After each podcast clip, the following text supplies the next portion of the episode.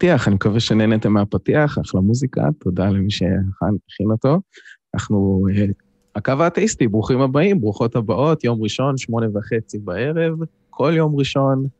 אה, הקווים שלנו פתוחים כבר מ-8.25, ואני שמח אה, ומאושר לראות שיש הרבה היענות ומתקשרים גם הערב. אם זו פעם ראשונה שאתם כאן, אז זה לא בסדר, אבל ברוכים הבאים. זה אומר שאתם חייבים עכשיו לעשות subscribe לערוץ ולהפעיל את הפעמון הקטן הזה, ואז הטעות הזאת לא תחזור על עצמה בעתיד. אה, אני אורי, המנחה שלכם לערב, ויש לצידי במלבן הווירטואלי הזה שהמסך מפוצל עליו. אה, סוף סוף אני איתכם. כן, עכשיו שומעים אותי, אני מקווה ששומעים אותי. יש אישור בצ'אט ששומעים אותי, הכל טוב? תכף יצעקו עלינו, יש לנו צ'אט. אמורים לשמוע אותי, כן. חריפים בצ'אט, כרגיל. כן. מוח הכוורת שם עוזר לנו, ואז אנחנו מלקטים ככה בין לבין שיחות תגובות uh, מרעננות. Um, משמעות התוכנית הזאת היא פשוט לאפשר לאנשים לדבר על כל מה שקשור באמונה, בטיעונים לקיומו של אלוהים, uh, הפרחות, איפה אתם uh, נמצאים על הספקטרום הזה שבין אתאיזם לבין תאיזם. Uh, ואנחנו ככה עוזרים לכם לנווט את השיחות האלה בתקווה בהצלחה, בצורה מכבדת ורגועה וסבבה. עם העוגנים הקבועים שלנו של מה אתם מאמינים בו, תחדדו לנו את זה, תביאו לנו את זה מדויק, אה, מה הסיבות שלכם. ואז אה, אנחנו ניתן לכם את הסיבות שלנו לחשוב אחרת ממה שאתם חושבים ולחפש אולי אה, בעיה. או שאולי תצליחו לשכנע אותנו, מה אתה אומר, טל? אולי הערב זה יקרה? אולי הערב... מה עוד אני אגיד? אל תהיה ספקן, מה אתה כאן? היום זה יקרה. היום, היום, היום זה יקרה. אני בא פוזיטיבי, אני בא פוזיטיבי. אמ, ואנחנו גם מוכנים לאתגר את עצמנו ולחשוב מה עוצמת השכנוע שלנו לכיוון המנוגד. האם אנחנו יכולים לרכך את העמדה שלנו? בהתקיים אילו תנאים או טיעונים או נתונים אנחנו נשנה את דעתנו? מה אם בכלל יפריך את העמדה שלנו, של הקו האתאיסטי? וזאת שאלה שאני חושב שצריכה ללוות כל בן אדם שמעוניין בדיון כנה ובוגר ואינטלקטואלי. אמ, ולכן אנחנו כאן. ואתם איתנו, צופים וצופות, מתקשרים. תודה למי שמתקשר, ותודה לטל ו... אה, טל ובן, אה, סליחה, אילן ובן, שמאחורי הקלעים הערב מפעילים אותנו. זה עוד לפני הוויסקי. מה שהולך לקרות הערב, זה, זה בהקשר לוויסקי, אני, אני, ככל שהתוכניות עוברות והסגר ממשיך, אין לי גישה למשקאות אה, איכותיים. אה, פשוט המלאי הולך ומדלדל, ומה שהולך לקרות הערב, אני חושב שלקראת השעה שבה אני מתחיל לשתות וויסקי, אני, אני אטעם וויסקי ששמרתי אותו בסוף הארון, במצבים הכי גרועים, כי הוא הכי גרוע. אם כבר איבדתי את כל הוויסקי האיכותי שלי, זה עלול להיגמר רע. אז הוזהרתם מראש. אני אשגיח עליך, אני אשגיח, אני אשגיח. בסביבות תשע, תשע ורבע. אני אשגיח. אם לסכם, אנחנו כל יום, כל יום ראשון בשמונה וחצי עד עשר מקבלים את השיחות שלכם. אה, בקשה קטנה, והלינקים תכף יקפצו לכם גם בצ'אט, אה, הודות לבן. אה, יש לנו עמוד פטריון שאפשר דרכו לתמוך בנו, ודרוב, ופייפל, כמובן, פלטפורמה מוכרת. יש לנו את העמוד קו נטוי, דף פייסבוק שלנו, שמוזמנים לעשות בו גם כן לייק ולראות את הפוסטים שאנחנו מעלים אה, בימים שאחרי התוכנית, את הקטעים החתוכים של השיחות ואת התוכנית המלאה, כמו שזה מופיע ביוטיוב בערוץ שלנו, ולהגיב ולהיכנס לקבוצת הדיונים שלנו בפייסבוק, ששם אתם יכולים להעלות פוסטים משלכם, לקיים דיון בהשראת דברים שעלו כאן בתוכנית, ולהגיב או לתת לנו רעיונות, מין תיבת הצעות כזאת, אה, שמשם אנחנו יכולים לקבל השראה בעצמנו. לדברי פתיח או לנושאים שאנחנו רוצים להתמקד בהם. טל, משהו שאתה רוצה להוסיף ולהרחיב? אה, מה, רצינו לדבר על מה שהיום עם, ההלוויה של החרדים, לא? רצינו לפתוח את זה?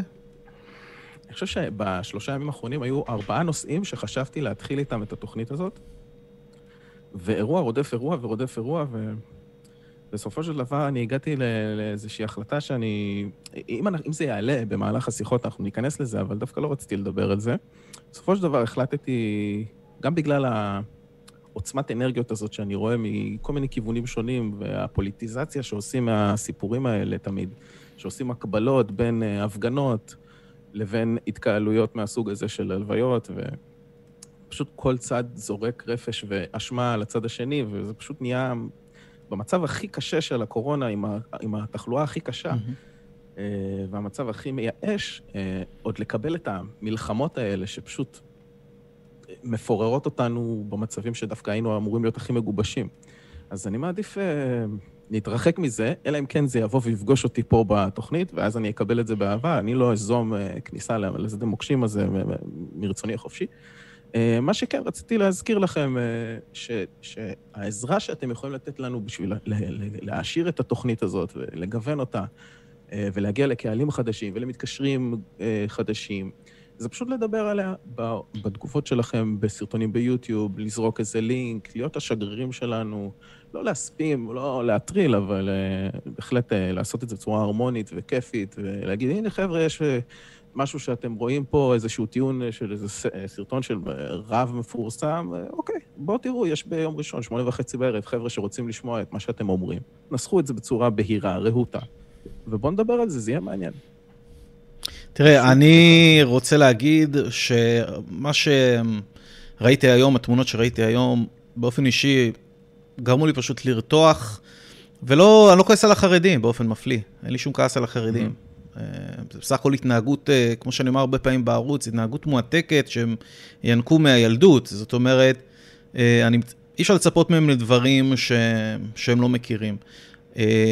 אני חושב שזה נותן דוגמה מאוד יפה כמה זה חשוב שאנשים שסביב, שסביבך יאמינו בכמה שיותר דברים נכונים וכמה שפחות דברים לא נכונים, שאין להם הצדקה.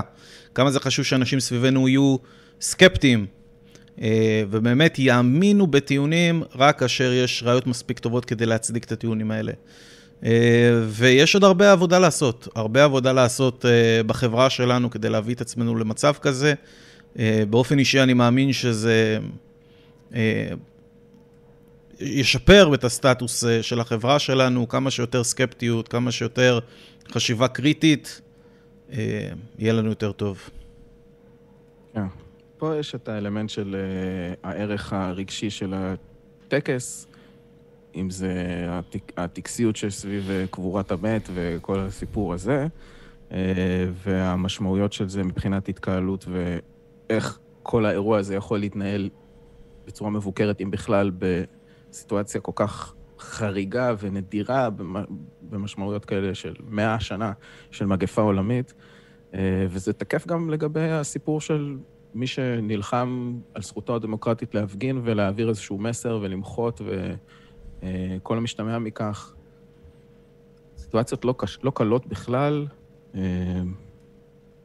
לא יודע איך אפשר לנהל את זה הרבה יותר טוב ממה שזה קורה עכשיו, למרות שיש להמון אנשים המון דעות והמון רעיונות,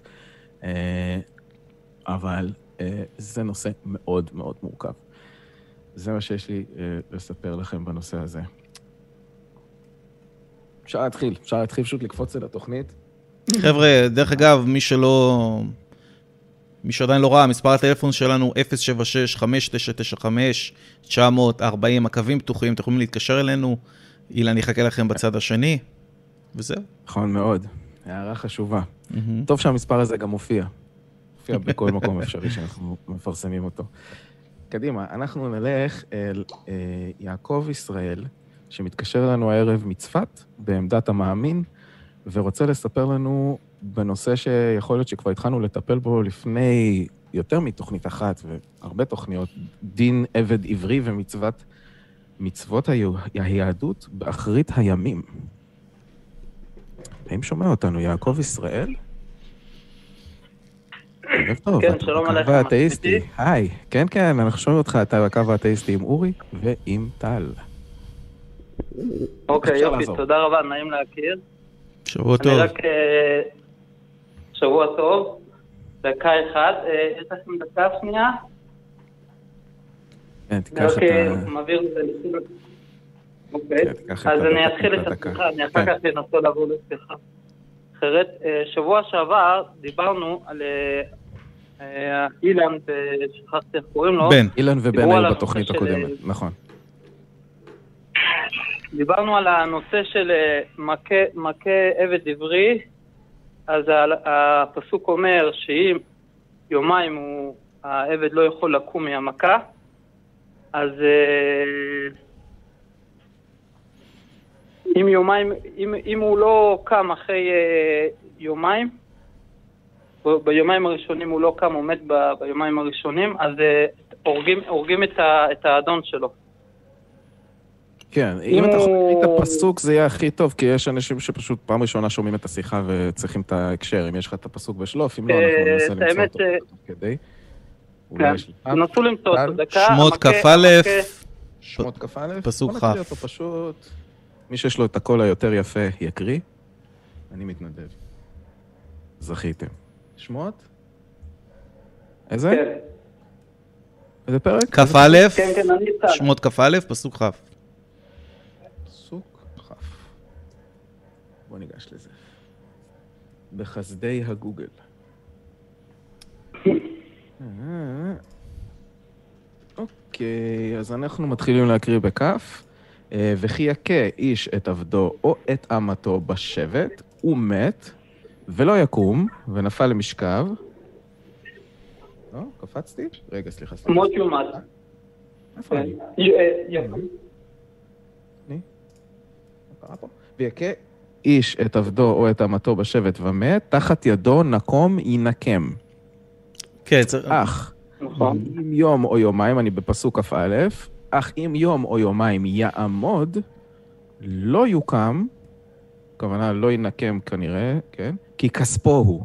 זאת אומרת שיש לך, כן. אחרי שדפקת מכות, רצח, מאיזושהי סיבה כלשהי לעבד שלך, את היומיים האלה, שאתה מתפלל בכל הכוח שהוא יקום, יתעורר, יגיד, אוקיי, הכל בסדר, זרמנו, כי אם זה לא יקרה תוך יומיים, אכלת אותה בתור האדון שהפליא במכות, אבל איכשהו שרד את העניין הזה, לא משנה באיזה מצב, כי לא נכנסים פה לשום uh, פרטים, יצאת מזה כי הוא הכסף שלך. ממש כתוב את זה כאן, העבד שלך הוא כספך.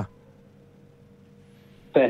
עכשיו, עכשיו אנחנו נסביר את זה לפי מה שהמפרשים והפוסקים מדייקים במילים, והאמת שאני לא למדתי אז שבוע שעבר בעיון, אבל אה, כשקראתי את זה דרך הפוסקים, עם הדקדוק, אז זה מקבל תמונה מאוד אה, מעניינת.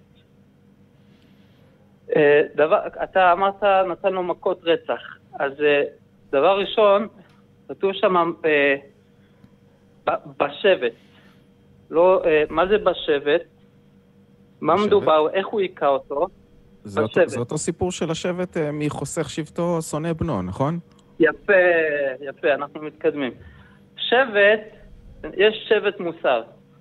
זאת אומרת שהרמב"ם פוסק שאם הוא מכה אותו באגרוף, במקל מברזל, כל דבר אחר שהוא לא מקל שמיו, שבט מוסר, שהוא מקל מיוחד, שאיתו מכים את הילדים, כמו שאמרת, חוסך שבטו. שונא בנו. רגע, רגע. סליחה שאני? עוצר אותך, סליחה שאני עוצר אותך ואת ההלם של טל, אבל אני מנסה להבין עוד פעם, מאיזה פרשנות אנחנו עכשיו מביאים את מה שאתה אומר? עכשיו אנחנו לומדים את הרמב"ם, הרמב"ם מביא את זה בהלכה בהלכות רוצח, אני יכול להגיד לך גם בדיוק איפה. זה מעניין, זה, זה חשוב אה, לציין את זה. מאוד מאוד חשוב לציין, זה משנה את כל הסיפור, עוד מעט אנחנו נראה כמה, עד כמה זה חשוב. אני לא בטוח שזה ישנה את כל הסיפור, הרמב"ם- אבל זה בכל מקרה חשוב לדעת. כן. כן, הרמב"ם מביא את זה גם, האבן עזרא מביא את זה גם, בעצם כל גדולי המפרשים, עד כדי כך שזה נכתב להלכה. אוקיי, אז אתה אומר, אז אתה מתחיל זמנים. כרגע מהרמב"ם, ואתה רוצה גם להמשיך הלאה לאבן עזרא? הרמ, הרמב"ן, רגע, איפה הבאתי את הספרים רויטל, ראית את הרמב"ם שלי? אני חושב ש... זה הרמב"ם במ"ם אתה- בסוף, נכון? הרמב"ם. בהלכות רוצח, תעשה... הרמב"ם מביא את זה בהלכות רוצח, אוקיי.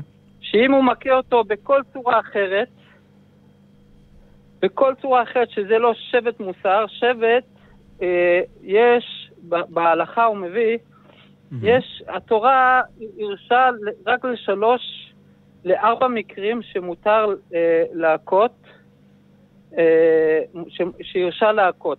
זה הדיינים שצריכים להרתיע בן אדם שלא רוצה נגיד לבוא לבית הדין לדון, הדיינים, ההורים, חוסך שבטו אוקיי. שונא בנו, אני חייב לעצור אותך, אני המורים- חייב לעצור אותך.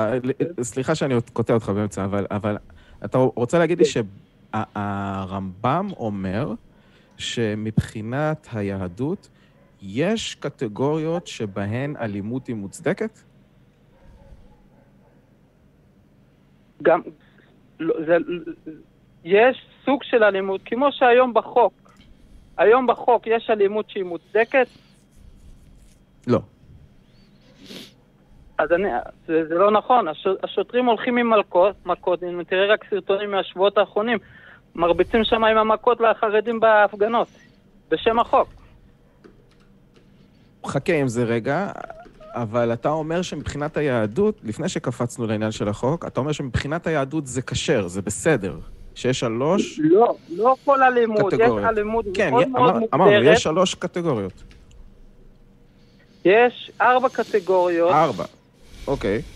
כן, אמרנו, שזה, אה, שזה אה, דיין, כאילו דיין, כן.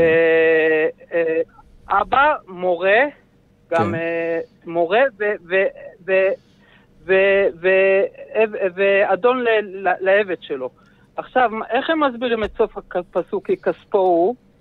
בגלל כן. שזה הכסף שלו, אז בן אדם, זה כמו שאתה אומר, לאבא שהרביץ לילד שלו, אז כנראה רצה לחנכו, שבט מוסר. אתה תומך בלהרביץ לילדים כדרך חינוך?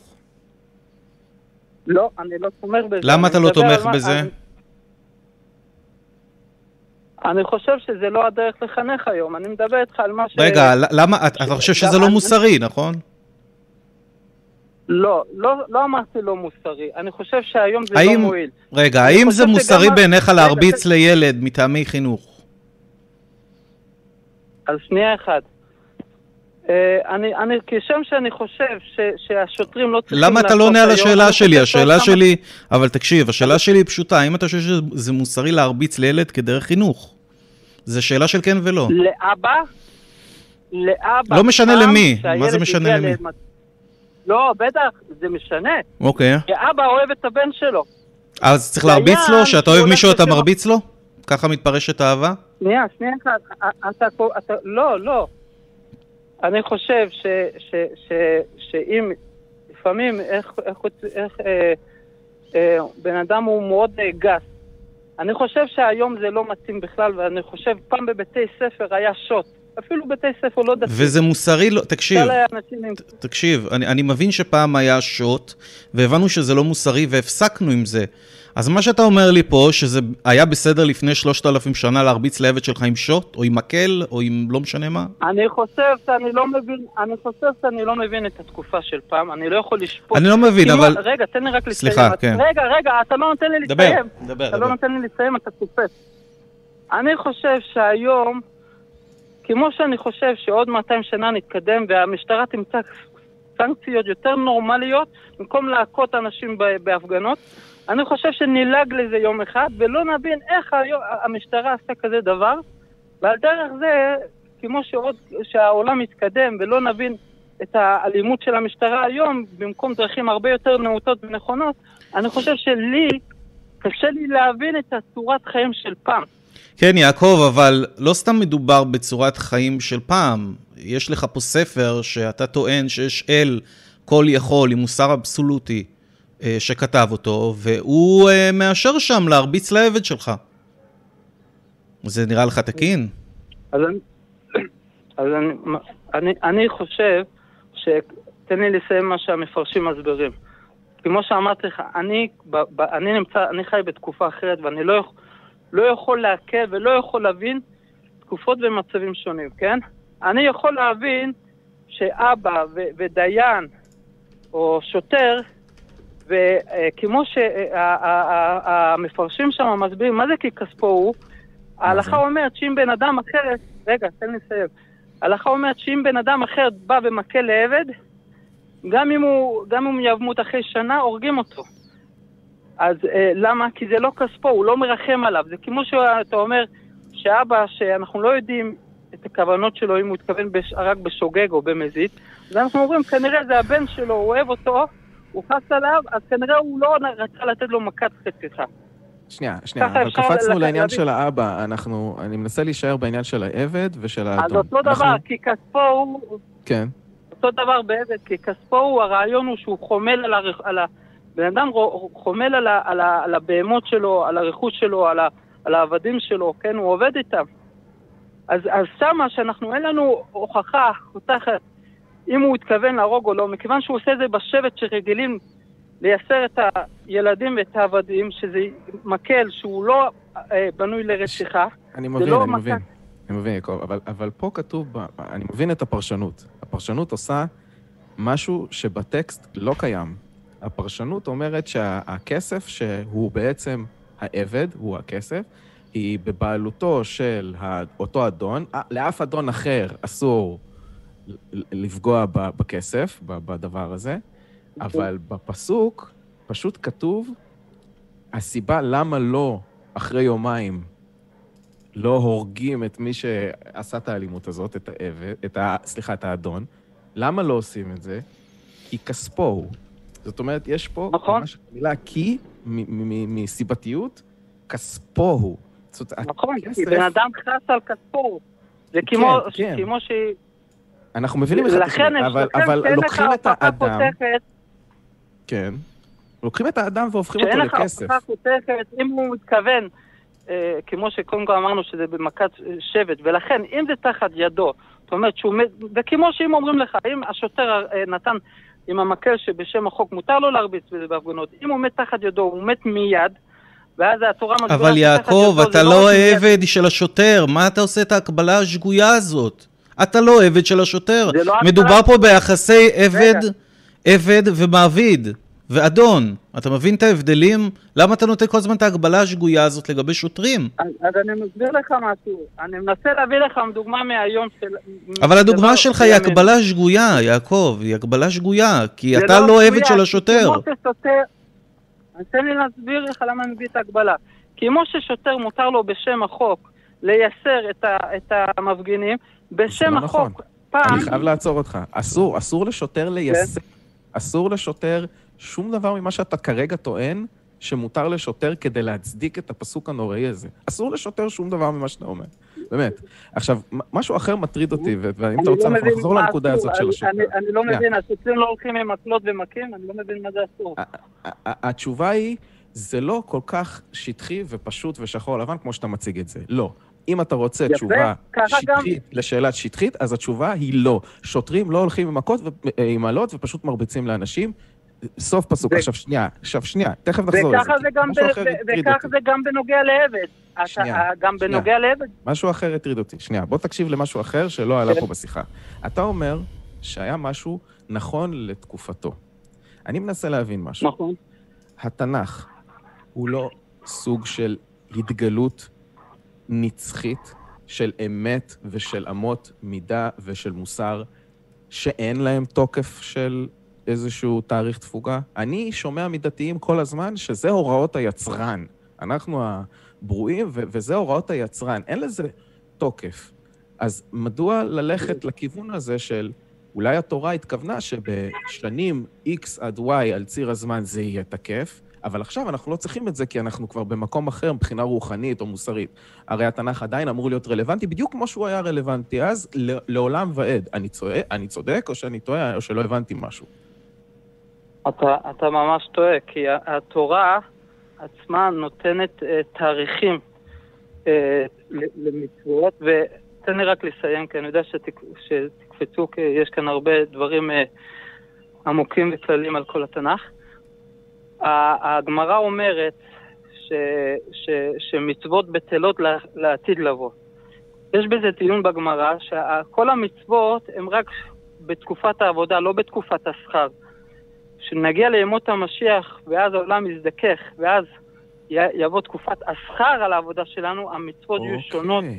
חלק אבל. השאלה אם כרגע אנחנו בתקופת המשיח. אז עכשיו, גם לא- לפני המשיח, אה, יש עכשיו הרבה זה גם מצוות. לפני? ברור, ברגע שאין בית המקדש, אז הרבה הרבה מצוות, כמו שכתוב, והיה כי תבוא אל הארץ, הרבה מצוות תלו את זה בביאת הארץ, רק בארץ ישראל, והרבה מצוות תלו את זה בזמן שכל עם ישראל יושב אני לא הצלחתי, רגע, סליחה. יעקב, אני חייב לשאול, אני, אני לא הצלחתי להבין, האם התורה, המוסר ש, שנמצא בתורה, האם יש לו, אה, הוא פג תוקף בשלב מסוים? או שהוא נצחי? אתה מדבר על מצוות או... אה, אה, אה, המוסר. אני אסביר לך מה שהמהר"ל מפראג אומר. למה אתה נותן לי... אה, רגע, רגע, אני לא מבין. בוא נשמע מה הר"ל אומר. אני חייב להבין. אני חייב, אורי, אבל... אני חייב לשאול את כן. השאלה איך הוא יודע, דבר כן, ראשון, שהם צודקים. כי זה סופר מעניין אותי איך, איך הוא יודע שהם צודקים. עכשיו, הוא נתן עכשיו דוגמה ממקור אחר, שיכול להיות שבכלל סותר את המקור הראשון. אז השאלה אם הוא יושב ובוחר את מה שנוח לו. זה גם מה שמסקרן אותי. שאלות מעולות. אבל בוא נשמע מה המהר"ל אומר, מעניין אותי גם לשמוע את זה. יש uh, בכמה גמרות שמדברים שאחרית הימים uh, התבטלו המצוות. אז uh, יש, יש דעות שהפירוש זה שאז לא יהיה חובה לעשותם, אבל נעשה את זה מעצמנו. Uh, זה כמו, יש שם משל כמו בן אדם חולה שהוא לא חש מה הוא צריך לאכול, מה הוא צריך לשתות כי הוא חולה, אז צריך mm-hmm. לצוות אותו, תאכל את זה, תשתה את זה. אבל בן אדם בריא מעצמו עושה ספורט, מעצמו אוכל, שותה כשצריך. אז עתיד לבוא שהעולם יהיה בעולם בריא ומתוקן, אז אנחנו מעצמנו נקיים את המצוות, לא נצטרך ציוויים ועונשים. אז זה פרשנות אחת לדברי הגמרא, שבאחרית הימים המצוות בטלות, הם אומרים המצוות הן נצחיות, אבל לא יהיה צורך לציוויים. הציווי יהיה בטל. זה פרשנות אחת לדברי הגמרא. עכשיו, המר"ל, המר"ל מפראג מסביר, מסביר את זה ב... תוכל לעשות את זה בגוגל, בתפארת ישראל, okay. אוקיי. פרק אה, נ"ב ונ"ג. אוקיי. הוא מסביר כך, הוא מסביר את זה ככה, שהתורה לא תהיה מוחלפת. זה אחד מהי"ג עיקרים. איך זה מסתדר עם דברי הגמרא שהם מבוססים על פסוקים של עתיד לבוא המצוות בטלות? איך? אז הוא מסביר שהתורה היא נצחית. המצוות בטלות, לא התורה. התורה נותנת הוראות התורה מדברת אה, לכל התקופות ש, שיהיו בלי סוף. ולכל תקופה ותקופה התורה נותנת הוראות שמתאימות okay. לאותה אוקיי. תקופה. שנייה, אז נגיד שאני זורם. אז התורה איך אתה יודע... התורה... אני, אני מבין, אני מבין, אבל איך אתה יודע מה רלוונטי לכל תקופה? אז התורה אומרת לנו אה, אה, אה, שיש מצוות. כשאין את, אה, את רוב השבטים בבית המקדש.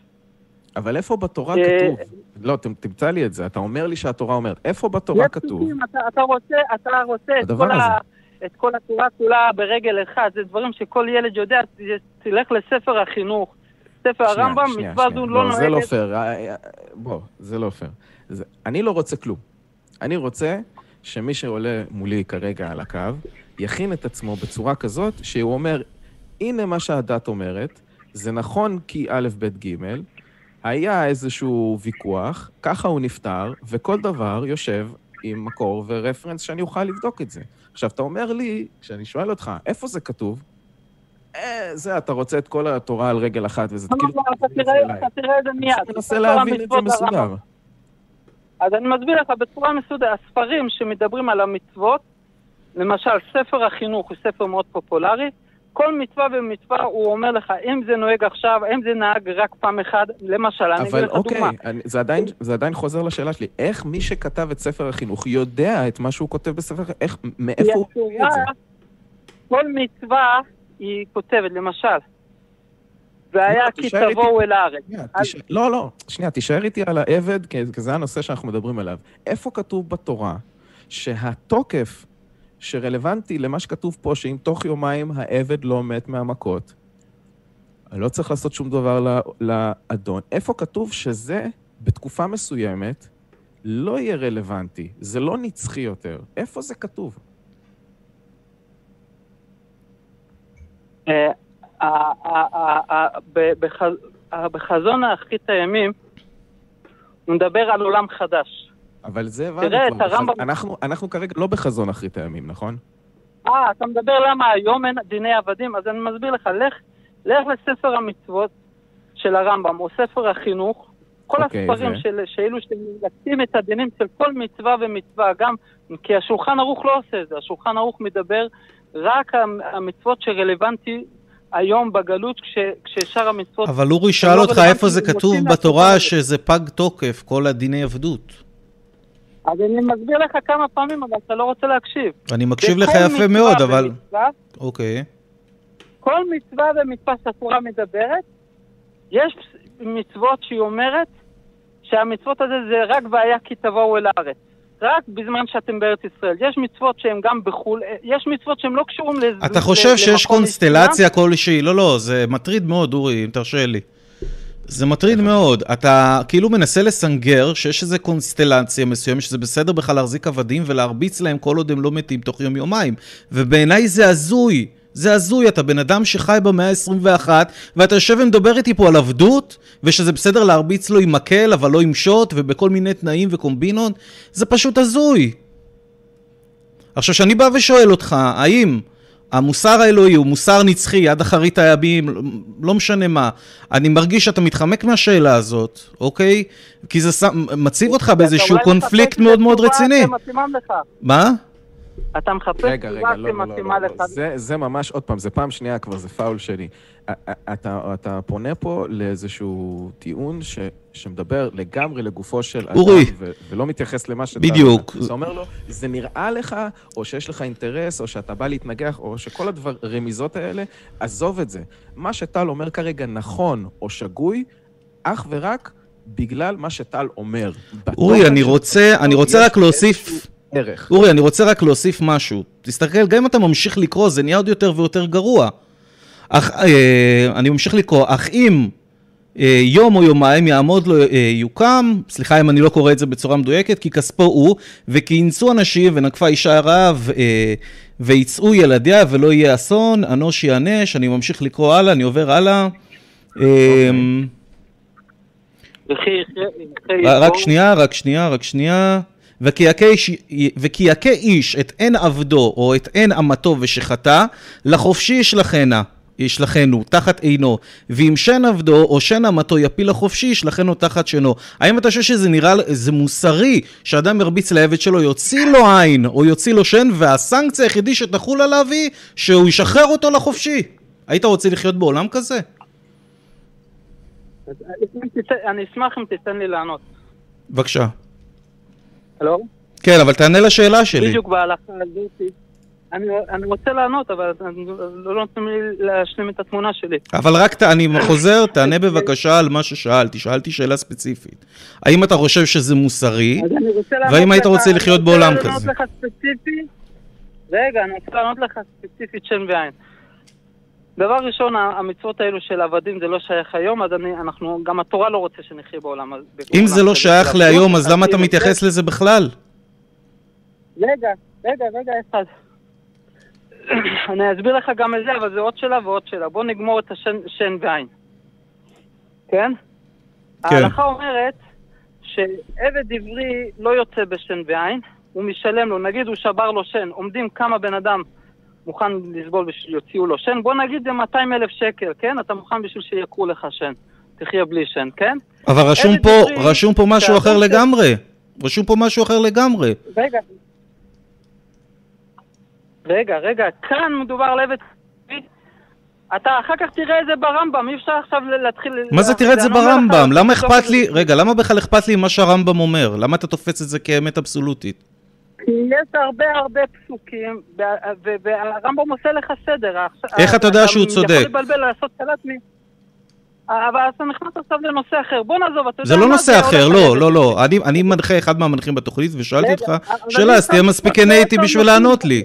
איך אתה יודע שהרמב"ם צודק? רגע, אתה קופץ, זה, זה לא הוגן, כשרוצים לגמור תשובה אחת, אתה מתחיל ללמוד שלוש שאלות. אבל התשובה שלך, אני לא מקבל אותה כתשובה, אני רואה לאן אתה הולך. לא אתה, אתה, אתה מצוט... תקשיב, אבל יעקב, לצוטט את הרמב"ם לא יביא אותך לשום מקום. כי אין לי דרך לדעת שהרמב"ם צודק. אז אתה הולך לרמב"ם, ואתה הולך לרב ההוא, ואתה הולך לרב ההוא, ולרב השלישי והרביעי, ומביא לי כל מיני ציטוטים. זה לא מוביל אותי לשום מקום. אז בוא נעזוב את הרמב"ם. בוא נעזוב כל רב, בוא נעזוב כל רב או פוסק, בסדר? איך אתה יודע שהוא צודק? אוקיי, עכשיו. אוקיי, אז תעזוב, הוא לא צודק. תעזוב, בוא, בוא, בוא, בוא, בוא נלך לגישה של שן ועין. לפסוק של שן ועין ששאלת אותי. כן. אה, בדרך כלל, אה, שעושים נזק למישהו, משלמים לו על זה. עומדים כמה הנזק, משלמים לו. תאר לך, אחד קנה עבד לכל החיים, שווה, לא יודע, מיליון שקל לכל החיים, הוא, הוא, הוא, הוא הפיל לו את השן, במקום להוריד לו כמה שנים של עבודה, או לשלם לו את הכסף, או להוריד לו כמה שנים של עבודה לפי ערך השווי של השן הזה, התורה כונסת אותו, אומרת לו, שן, שילמת חמש מיליון שקל, מיליון שקל, השן שווה רק 100-200 אלף שקל, אנחנו קונסים אותך, אתה, אין לך עבד. היית מוכן שאם הייתי, יעקב, אם הייתי בא עכשיו ושובר לך את כל השיניים, האם היית מוכן רק לקבל תשלום, או שהיית רוצה שישימו אותי בכלא, או שיחולו עליי סנקציות הרבה יותר כבדות? אז, אז, אז זה עוד שאלה. מה הייתי מוכן? אני הייתי, אם אני מכרתי את עצמי וקיבלתי... אתה לא עונה על השאלה אבל שלי, אני בתורה- שאלתי שאלה אבל פשוטה. אני רוצה לענות. אבל אתה מדבר לעצמך, זה אני שיח רוצה- פה, זה לא, זה לא מונולוג, זה שיח. אתה דיברת, נת, נתנו לך באמת מרחב מאוד גדול לנוע בו, ושאלתי אותך בחזרה, שאלה מאוד לגיטימית, בבקשה תענה עליה. מה השאלה? האם היית, אתה רואה, אתה אפילו מקשיב לשאלה, כי אתה רק מחכה לדבר. אז אני אומר, האם אם הייתי עכשיו שובר לך את כל השיניים, האם היית מוכן שהסנקציה היחידה שתחול עליי זה שאני אשלם לך כסף, או שאתה חושב שהדבר היותר מוסרי לעשות זה גם לאסור אותי, לשים אותי במאסר? אז, אז על, באמת על פי ההלכה, אני לא שואל על פי אה, ההלכה, אני שואל אותך, שנים. אני שואל אותך, מה אתה חושב? אני תלוי, אם זה היה רק שן אחד והוא שילם לי חמש מיליון שקל ובגלל שן אחד אני חופשי לכל החיים במקום לעבוד לא שן אחד, אני שובר לך את כל המ... אני שובר לך את כל השיניים, בא לי סתם ללכת ברחוב, לתת לך בוקס, לשבור לך את כל השיניים, אוקיי? ואחרי זה אתה מקבל אתה מיליארד דולר. האם אתה חושב, רגע, האם אתה חושב שזה מוסרי, שבמקרה כזה אני לא אכנס למאסר, ומלבד לשלם לך לא יחול עליי שום סנקציה? לא, ברור, אז הייתי רוצה מאסר. היית רוצה מאסר, אוקיי, אז למה בתורה שלך לא כתוב שהאדון צריך להיכנס למאסר? אז זה כן כתוב, אם תיתן לי לגמור אני אגיד לך. איפה זה כתוב? הרמב"ם בהתחלה... ב- לא, אל תלך לרמב"ם, אני שואל... לרמב"ם, למה כן. אתה חוזר לרמב"ם? אני שואל אותך איפה זה כתוב. אז אוקיי, הרמב"ם הוא סך הכל ליקוט של כל העושה לנו כמו גוגל. כשאני אומר רמב"ם זה גוגל, חיפשתי בגוגל, אל תקרא ככה זה כרמב"ם, כי הרמב"ם לא מוסיף משלו כלום. זה לא מעניין אותי מה הרמב"ם חושב. איפה, יעקב, זה סדר. פשוט, איפה רשום, אתה אמרת שאם אני שובר לך את כל השיניים, אתה תרצה לא, שאני לא אכנס... אני, חוזר לי שוב על השאלה, כי אתה הולך למקומות שהם לא... הבנתי את השאלה, הבנתי את השאלה. אז אתה לא בבקשה, מבין, תענה. אתה מבזבז זמן, תן לי לגמור. אתם אה, תוקפים ביריות, לא נותנים לבן אדם לדבר. אה, התורה אומרת שהדיינים אסור להם לשחק רוץ קטן וללכת רק עם העונשים של התורה. הם צריכים להוסיף כהנה וכהנה לפי חומרת העניין. גם אם לפי תורה מגיע לו רק אה, לשלוח את, אה, את העבד שלו לחופשי חינם, שהוא אם הוא הפיל לו שן, אם הם רואים שזה הרבה יותר חמור והעונש היותר מתאים או ההתראה היותר נכונה לכל האדונים זה גם כלא וג... ואפילו להרוג אותו בצורה עקיפה, אם זה עד כדי כך חמור, אז אפילו דין מוות על מקרה שהתורה התירה, אה, לא, לא חייבה אותו דין תקשיב, אורי, תרשה לי משפט אחרון. זה- רגע, כן, אתה רוצה ממש להביא לי. פסוק? רגע, תן לי לסיים את הפסוק. זה נאמר ואסור משמרת למשמרתי, שהחכמים צריכים להוסיף עוד משמרת על המשמרת של התורה. רגע, תחזור על זה שוב. סליחה, סליחה, אני. לא מכיר את הפסוק הזה, מאיפה הוא? מה זה ונשמרתם ועשו בכל משמרת. הסיפור הזה? ומה זה? כן. לא, ואסור לי, ואסור משמרת למשמרתי. מה זה, מאיפה זה? תעשה גוגל. אוקיי, אז, אז אתה לא יודע להגיד לי אם זה בתורה, בת, בנביאים. אתה לא זה יודע להגיד לי? בתורה, זה בתורה, זה בתורה. אוקיי, אז מה אומר בדיוק הפסוק הזה? המילים האלה? תחזור על זה? הפסוק הזה אומר ש- שהחכמים והדיינים והשופטים, לא, לא, אל תגיד לי מה הוא אומר, בגדול. תקריא לי מה, מה, מה שציטטת, מה זה היה, מילה במילה. ועשו לי משמרת. התורה עשתה משמרת, כן? עשתה הגדרות, ועשו כן. לי משמרת למשמרתי. אתם תוסיפו עוד, עוד ענישה, עוד משמרת למשמרות שלי. אוקיי, עכשיו בוא נעצור, כי עברנו פה הרבה טריטוריה. מה שחשוב לי שתבין, ולכל מי שצופה בנו, ש... שנבין, שלמרות שהיה פה איזשהו... משהו די, אה, די מסעיר, יש לנו, יש לנו סערת רגשות שאני ככה מחביא אותה טוב יותר מתחת לפני השטח, לטל זה ככה התפרץ יותר. אנחנו מדברים פה, בסופו של דבר, איך שלא נסתכל על זה, על טקסט שמבחינת המאמין הדתי נכתב על ידי ישות שבראה ביכולותיה ובעומק תבונתה דברים מורכבים כמו חורים שחורים, תתי אטומים, חלקיקים שאנחנו עוד לא חקרנו וגילינו, אינטראקציות מאוד מאוד מאוד עדינות ומורכבות שייצרו חיים. את כל הדבר הזה, עם התכנון המורכב והמדהים הזה, לשיטתם של המאמינים, מאותו ישות מתוחכמת שיצרה את הכל, היה חשוב לה לחבר בספר פסוק שאומר שקודם כל זה בסדר להחזיק עבדים, זה בסדר, זה משהו שקיים ואנחנו עושים אותו.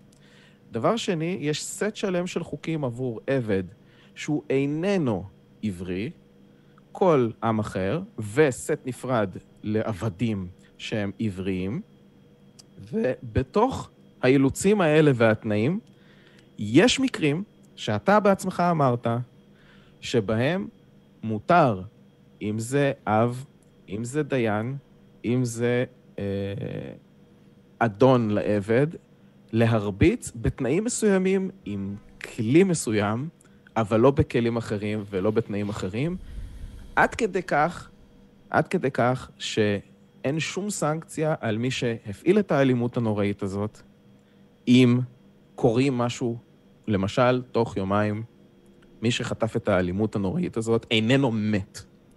עכשיו, הטירוף הזה, הטירוף הזה, זה פשוט טירוף, שמצד אחד אתה מחזיק אמונה שמשהו כל כך עוצמתי, אינסופי, חכם, קול נוכח, שעשה דברים כל כך טובים כמו ליצור את כל החיים, מצד אחד, ומצד שני, הלך וחיבר, והיה לו חשוב לשים את ההוראות האלה, זה, זה משהו שאני, המוח שלי פשוט לא, לא מסוגל, עם כל הפרשנויות שאתה הבאת, עם כל הדברים שאתה סיבבת סביב זה, ליישב. אני, אני לא יודע איך אתה מצליח ליישב את זה, זה נראה לי הזוי, מופרך, אין, אין מילים לתאר את הדבר הזה, והנצחיות של התורה עד שיבוא המשיח, או עד שלפני שיבוא המשיח, או גם כשהמשיח יגיע, זה פשוט נראה לי משהו לא מוסרי בעליל. פשוט אין לי דרך אחרת להגיד את זה, הייתי מאוד עדין במילים שלי. אם יש לך משהו נוסף להגיד ככה בסוף השיחה, או משהו שיעביר לי את ההרגשה הזאת, אני אשמח. אני אסכם את זה, שנתת לזה פרשנות משלך, וכמו שאמרת בסוף, שלא עושים לאדון הזה שום סנקציה, שזה שוב לא נכון, שהתורה כאן מדברת פסוק אחד, ופסוק אחרת מדברת על, על שחכמים צריכים לחגוג על הסנקציות לפי, לפי, לפי הצדק. לא לפי אתה, הפסוק. אתה לוקח... לא כפשוטו ולא לפי הפסוק. לא, אתה לא יכול... לש... לא לפי הפסוק הזה, פסוקים אחרים, אי אפשר... לא, אתה צריך לקבל את התמונה לא שלמה של הפאזל. גם לא לפי שום פסוק אחר שאתה הבאת. אתה הבאת פרשנים. ואז טל שאל אותך, מדוע הפרשנים האלה בכלל יודעים על מה הם מדברים, ואמרת זה נושא אחר והתעלמת ממנו. הדברים האלה קשורים קשר לא, גורדי, אי אפשר להפריד את זה. הבאתי לך פסוק. עשו משמרת למשמרתי, הבאתי לך פסוק, זה לא נכון. נכון, והפסוק הזה, הוא גם הגיע ביחד, שנייה, יחד עם הפסוק הזה עשיתם מה שאמרת, שאני לא מסוגל לחזור עליו. שמעתי לך בשקט, אתה לא נותן לי לגמור. שנייה. שמעתי לך בשקט, למרות שאמרת הרבה... שנייה, לא, אני פשוט מזכיר לך, שביחד עם הפסוק שאתה הבאת, לא, ת... אתה, אתה אמרת שזה המשמעות שלו. המשמעות שלו זה שבנוסף למה שכתוב בתורה, צריך להוסיף עוד הגבלות ולפרש את זה ולהוסיף עוד סייגים או משהו כזה, לשמור על המשמרת. ואני מנסה להבין, איזה מין אלוהים לא מסוגל לתקשר את המסר שלו בצורה כל כך ברורה וסופית ומובנת, כך ש... הוא משאיר את המלאכה לעוד אנשים שיבואו אחריו, לא הוא, אחרים יבואו, וימשיכו את הסיפור שהוא התחיל לספר, את המסר שלו. מה, מה כל כך מסובך לאותו אלוהים שיצר חורים שחורים, גלקסיות ואת כל מה שאפשרי וטוב כדי להתקיים, להגיד, פה נגמר העניין. החוק הזה אומר, לא תרצח אז לא תרצח. או, או אם צריך לסקול גייז, אז נסקול גייז, אבל פה בנושא הזה של העבד, מישהו אחר עוד ימשיך איזושהי אה, פרשנות או, או חוק נוסף. אני פשוט מנסה להבין איזה מין אלוהים זה, במה אתה מאמין, באיזה אלוהים, מאיפה המוסר הזה מגיע. גמרת לדבר? כן, אנחנו, אנחנו פחות או יותר מיצינו את הנושא הזה לדעתי, אבל בוא תסכם, כאילו, אני אתן לך בכיף את הסיכום שלך. אני, אני, אני, למרות שאמרת הרבה פרשונות, פרשנ, פרשנויות שהן מאוד מעוותות, והרבה הרבה נושאים כאן, עבד עברי, עבד כנעני, כל דבר צריך לראות מה זה. ואני רק אסכם במילים שלי, שהאלוקים הגדול הזה שבנה את כל הגלקסיות, כן. הוא, גם, הוא גם בנה תורה מאוד מאוד רחבה. למה זה לא שהוא מוגבל? זה שהוא גם רצה שבני אדם יהיו בעלי בחירה ושיהיו שותפים בלעשות את העולם הזה גן עדן, שלא ירגישו שכפו עליהם. עכשיו, אם האלוקים גדול שלו, אז... אני בטוח שעל העבד אה, ניתנה זכות בחירה. מה? אני בטוח שניתן זכות בחירה לעבד שלא ירביצו לו. אנחנו... אה, אה, זה לא מנחם שום בן אדם שחטף מכות רצח מהאדון שלו. אני את הסיכום שלי. כן, אבל אני לא באתי לנחם אותך. אני חושב שמי שילמד את כל התורה כולה, ולא יהיה mm. פזיז, יהיה, לא יהיה, כמו שהחכמים אומרים, הרבה מתונים בדין, אל תשפטו בפזיזות. אני חושב שהוא כמו שאלוקים גדול, הוא יגיד, אלוקים גדול נתן תורה רחבה ועמוקה, כן. אוקיי. וגם צודקת. אבל אם אוקיי, רוצים על רגל אחד... ש... בסדר? כן, כן, לא, אני מבין מה שאתה אומר. בסדר גמור, ערב טוב. אחרי שסיימנו את כל המהלך הזה, התשובה, התירוץ האולטימטיבי, שאני שומע מיעקב ישראל וגם מהרבה אנשים דתיים, מכל הדתות, זה שאתה פשוט לא מבין את זה. אתה פשוט התחלת לראות משהו קטן, לא למדת עוד עשר שנים, כמו משהו ברמה של אה, דוקטור אה, לפיזיקה גרעינית. אמ, אה, תבוא רק לעצמך בטענות. אתה פשוט לא מבין את זה. התורה יותר רחבה, יותר מורכבת. זה התירוץ האולטימטיבי, נכון, טל? יש תירוץ יותר טוב מזה? תראה, אני... כל השיחה הזאת הייתה בין הזויה והמחישה... שעה. אתה יודע, כאילו, בן אדם יושב במאה ה-21, מנסה לסנגר על עבדות, רק מרביצים לו עם מקל, אבל לא עם מקל גדול. אה, אני לא... מאיפה אני מתחיל, אורי? מאיפה אני מתחיל? מותר במקל, לא באגרוף. מותר רק לדמויות מסוימות, כמו אב לבן. מוח התפוצץ כבר בשלב אורי, הזה. אורי, יש לך פועל שאומר לך, שדאג לרשום לך במפורש, אל תאכל צדפות. אבל היה קשה לרשום, אל תחזיק בבני אדם כרכוש. זה לא מוסרי, לא, זה הזוי בעיניי. מה שכרגע דתיים שהולכים עם התירוץ הזה, שמה שבסוף יעקב אמר, יגידו לך, אתה פשוט לא הבנת. כן. פשוט קפצת. האשמה היא בך. ברור, ואז כשאתה שואל אותם איך אתה יודע שהמפרש צודק, אז uh, התירוץ הוא בדרך כלל את פופולום, כשלים לוגיים כאלה ואחרים, וזה נראה לי עוד יותר הזוי, שבאמת יש אלה שיוצר את כל הגלקסיות והיקום, והוא כל כך גאון, שהדרך הכי יעילה שהוא מצא להעביר לנו מסרים, זה שאני צריך להסתמך על רבנים שונים, שחלק מהם אפילו סותרים אחד את השני, שזה עוד יותר מצחיק בעיניי. הרי הוא ידע מראש, הוא ידע מראש, היה אמור לפחות לדעת מראש, שזה נועד לכישלון מוחלט. הוא ידע מראש, אם הוא יכול לדעת את העתיד, שיהיו אה, רבנים שסותרים אחד את השני, ולא יהיה באמת אפשרות לדעת מי צודק. זה אל עם יכולות תקשורת של אה, ילד מבולבל, נקמן, בעל מצב רוח. נכון, אין דרך אחרת לפרש את זה, זה הזוי בעיניי. לא מחונך, והאל הזה מתרץ עם הפסוק הזה, שהוא בסוף לא אמר, הוא אמר, פשוט תלכו לגוגל ותמצאו משהו עם המשמרות על המשמרת. אם הוא, האל הזה גם הכניס בסופו של דבר איפשהו בתנ"ך את הדבר הזה, אז הוא השאיר לעצמו את הלופול, את הכרטיס יציאה. לא משנה כמה זוועות אני כרגע זורק עליכם, יש עוד אנשים, אני לא, אני האל עוזב את זה, אבל יש אנשים שימשיכו את העבודה שלי להגיד לכם מה לעשות, תקשיבו להם. טוב, יש, יש תגובות מהצ'אט, או שאנחנו פשוט נמשיך אה, לחפור אחד לשני לסיפור הזה? זה שם מה נורא. Uh, כן, יש לנו לגבי הפירוש של הרמב"ם, יוגב רביד אומר, נו באמת, ומה עשו 1500 שנה בין כתיבת הפסוק עד הפירוש של הרמב"ם? מה הם עשו באמת? לא היה להם, uh, לא היה להם, נכון, זה, זה באמת טענה יפה. עד הרמב"ם, עד שהרמב"ם חי מתי? לפני אלף ומשהו שנה, אני לא זוכר בדיוק. עד אז, מה הם עשו?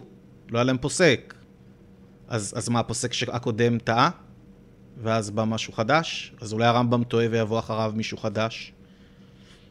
טיעון יפה, אני אהבתי. אה, לגבי זה שהתורה לא אמת נצחית, ביזיון להיגיון אומר, התורה לא אמת נצחית, יפה שהוא מודה בזה. אוקיי. יש כאלה שאומרים ככה, ושוב, זה, אורי שם אותנו באמת בנקודה הזאת, שבאמת יכול לבוא יעקב, אני לא אכניס לו מילים לפה ויגיד שהתורה, אה, לדוגמה, היא לא נצחית, ויכול לבוא באמת מאמין אחר ולהגיד שהתורה היא נצחית, ואז איך אתה מיישב את זה, איך אתה יודע מי צודק? זה שוב ספקולציה. זהו. זה הכל שאלה של כמה סבלנות יש לנו באותו רגע. אתם רואים שיחות שמתפתחות uh, באיזושהי צורה שאנחנו מנסים להיות מרוסנים יותר ולהעמיק יותר, בניגוד לדווקא מה שכרגע הוא הטיח. הוא הטיח בנו כל הזמן בשיחה שאתם קופצים, ושאתם לא נותנים לדבר, ושאתם יורים. ויש שיחות שבהן אנחנו באמת עושים את זה, ופחות בשליטה. אני מקווה ש, שבשיחה הזאת ניסינו טיפה יותר uh, להתעמק. אה, ולמדנו משהו חדש שלא הכרנו לגבי הדת. אה, בואו נמשיך אה, לשיחות הבאות שלנו. נראה לי שווה גם להודיע לכולם על הפטריון. כן, אנחנו נזכיר לכם את זה בין לבין שיחות, נכון? פטריון, דרוב ופייפל. מה עושים איתם אבל? מה עושים איתם? יש חברות כאלה. ערפלה לי את כל המוח, כן. באמת. כן, אנחנו מאוד נשמח לכל תרומה. מה שאנחנו עושים עם זה, אנחנו פשוט משקיעים כל שקל שעובר שם לוויסקי, אה, סליחה, לא לוויסקי, לפרסום. אנחנו רוצים להביא עוד אנשים שישמעו אותנו. כרגע, במהלך התוכנית רץ קמפיין, שבו טל מופיע בקולו אה, אה, הסקסי והלבוש שלו הכי יפה, ואומר, חבר'ה, יש כרגע, כרגע, כרגע, בלייב, פה, אם תלחצו, שיחות עם אתאיסטים, תביאו את החזק ביותר שלכם. זה המסר שלו, ובשביל זה אנחנו מאוד נשמח לתרומות. אה, ואנחנו נעבור ל... אה, ישראל גבריאלוב, שמתקשר אלינו הערב מלוד, בעמדת האתאיסט. אהלן. אולי אנחנו נקבל גישה קצת אחרת, ערב טוב, ואומר לנו, הוא הגיע אלינו דרך פייסבוק, אז בוא, זה, זה מעניין. אה, או פייסבוק או יוטיוב, אתה לא זוכר בעצמך, אוקיי. אה, אתה רוצה להפריך את האל היהודי, עבדות בתורה לא קשורה כן. למוסר? בוא תפריך את האל היהודי, אני רק אשמח. תן לי, תן לי רק לחזור לעבדות. במקרה אנחנו דיברנו על אותו נושא. אז uh, רציתי להודיע לכל המנחים, כולל איכשהו להגיע לאיך קוראים לו, למט דילחנטי, שכל הזמן מעלה את העבדים, שכאילו זה מותר בתורה להכות. ובתור חרדי לשעבר, אני למדתי uh, גמרא קרוב לעשר שנים. עם רבנים, ממש כמו, כמו כל אה, אברך חשוב וכולי, עד שיצאתי משם. אז יש לי את ההלך החשיבה שלהם, איך הם היו חושבים, אני יודע איך הם היו חושבים. כשהם שומעים את דילהנטי, הם אומרים, אה, הוא לא יודע מה הוא מדבר, בקשר לעבדים. גם אתם, סליחה על ה... על ה... אה, על אותו אה, תיאור, גם כלפיכם אני רואה בעיניים חרדי לשעבר שאתם כנראה לא יודעים על מה אתם מדברים. הבחור שהיה מקודם, התחיל ואמר אל השבט, ש, שזה רק צריך להתייחס אה, למכות האלה בשבט, שמותר לתת מכות אה, ספציפיות ולא מכות רצח. כן. וזה שהתורה, שאתם מקשים כל הזמן, ש, שכאילו התורה מתרת עד שהוא מת, זה לא נכון. זה ההדרכה של הדיינים, שהאלוהים כביכול אומר, איך אתה יכול לדעת שהוא היכה מכות רצח אם, אם הוא לא קם? פשוט, אה, זה בוודאי. אתם לא יודעים לדעת מה היה לו בלב, זה תשאירו לי, אני בשמיים מטפל בזה. כי בכל התורה אני מצווה לא להכות עבדים. אה, לא, סליחה, לא להכות אף אחד, להתייחס בכל הדרכים שהתורה... מעניין מה היה רוגם האבנים, היה עונה על זה. זה שנרגם באבנים, שקושש עצים. מעניין מה הוא אומר על זה, על כן. המסר השלום הזה. אני לא הולך לתרץ לך את כל התורה, הפוך, אני הולך גם, כמו שאמרנו, להוכיח שאלוהים היהודי בכלל לא קיים. אבל uh, בקשר לזה לפחות, הלך החשיבה שלהם זה אם אתם תמשיכו בדרך הזו, הם כל הזמן יסתכלו עליכם כלא יודעים מה אתם מדברים וחבל על הזמן לדבר איתכם. אם רוצים להישמע, אז אני חושב שצריך uh, ללכת בצורת החשיבה שלהם, להבין מה הם חושבים, שזה בסדר להכות בקטנה רק בשביל להחזיר את הילד או את העבד לדרכו הישרה, אבל לא מכות רצח ולא סטדיסטיות ולא אכזריות, כי, כי אני אטפל בכם. אם, אם, ה, אם הוא לא קם, אז יטפלו בכם גם, גם הדיינים. אם הוא כן יקום, אבל בכל זאת אני בלב שלכם, יגלה שאתם אה, התאכזבתם אני- וזה אני- אני בכם יודע, בשמיים. אני יודע שזה לא הנושא שאתה רוצה, אבל אה, מכיוון שאתה מגיב בצורה הזאת, וכן חשוב לי לתת פה איזשהו, גם איזושהי תשובה שאני חושב עליה תוך כדי, אז אני אגיד דבר כזה. אני לא מבין איך אותו אל, גם בעיניים חרדיות, ש, שפשוט מניח שאותו אל הוא, הוא שיא הטוב ושיא המושלמות והמוסר, איך אותו אל משאיר את הפתח, פשוט את הפתח, הכי קטן שבעולם, לתת איזשהו סוג של מכה או פליק, או הדבר הכי מינורי שאפשר. איפה אתה רואה את זה בשיטה. מודרנית של חוק שאומר אני אענה לך. איזשהו, איזושהי נסיבות של מקרה, כן, לא אפשר לתת? פליק באוזן. איפה זה כתוב? אני אסביר לך. אני אסביר לך. אה, הצורה שהיום אנחנו מתייחסים לכל מיני עבירות אה, אה, פליליות, זה כן. בגורף.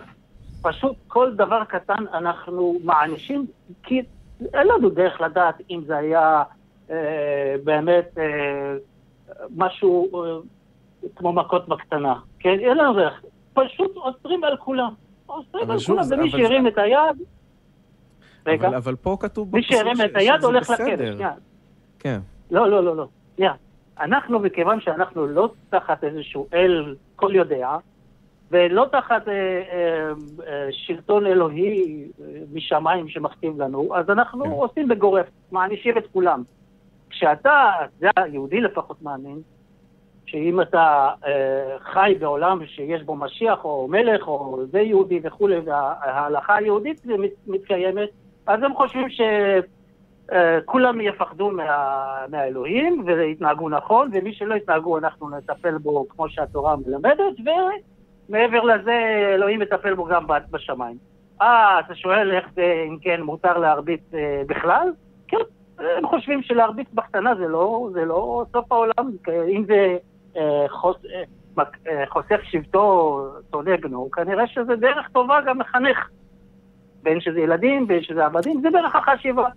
היום בתור אתאיסט, אני לא חושב שזה נורא, נורא כל כך, אם באמת אנחנו מצליחים אה, להבדיל בין אה, מכות בקטנה... יש לך אבל ראיות מדעיות שזה מזיק לילד, יש לך מחקרים מדעיים שאומרים שזה מזיק להשתמש באלימות כ- אוקיי. כמקום לחינוך. מסכים איתך, מסכים איתך. אוקיי, אז מסכים איתך, את זה אתה יכול להגיד להם, אחרי שהם חושבים שזה בסדר להכות בקטנה, תסביר להם בסדר שזה מזיק. אני, אני אגיד. משהו רק, אני אגיד, אני אגיד לך משהו, אני חושב שהשיחות שלי עם אה, מאמינים הן פחות על אה, האם מה- שכתוב שם זה הפירוש הנכון שלו או לא. אני מנסה באמת הולך, ללכת יותר לכיוונים של החשיבה הקריטית, החשיבה הלוגית, להבין שהתהליך החשיבתי שגרם להם להאמין בכלל בטקסטים האלה הוא בעייתי.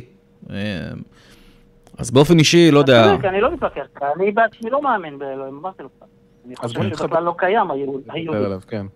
שאתה עכשיו נהיה, אוקיי. אתאיסט, לא סתם אתאיסט כמו שאני קראתי לזה בצחוק השבוע אנטיתיסט, כן. בקבוצה שלנו, אה, אתאיסט רכרוכי.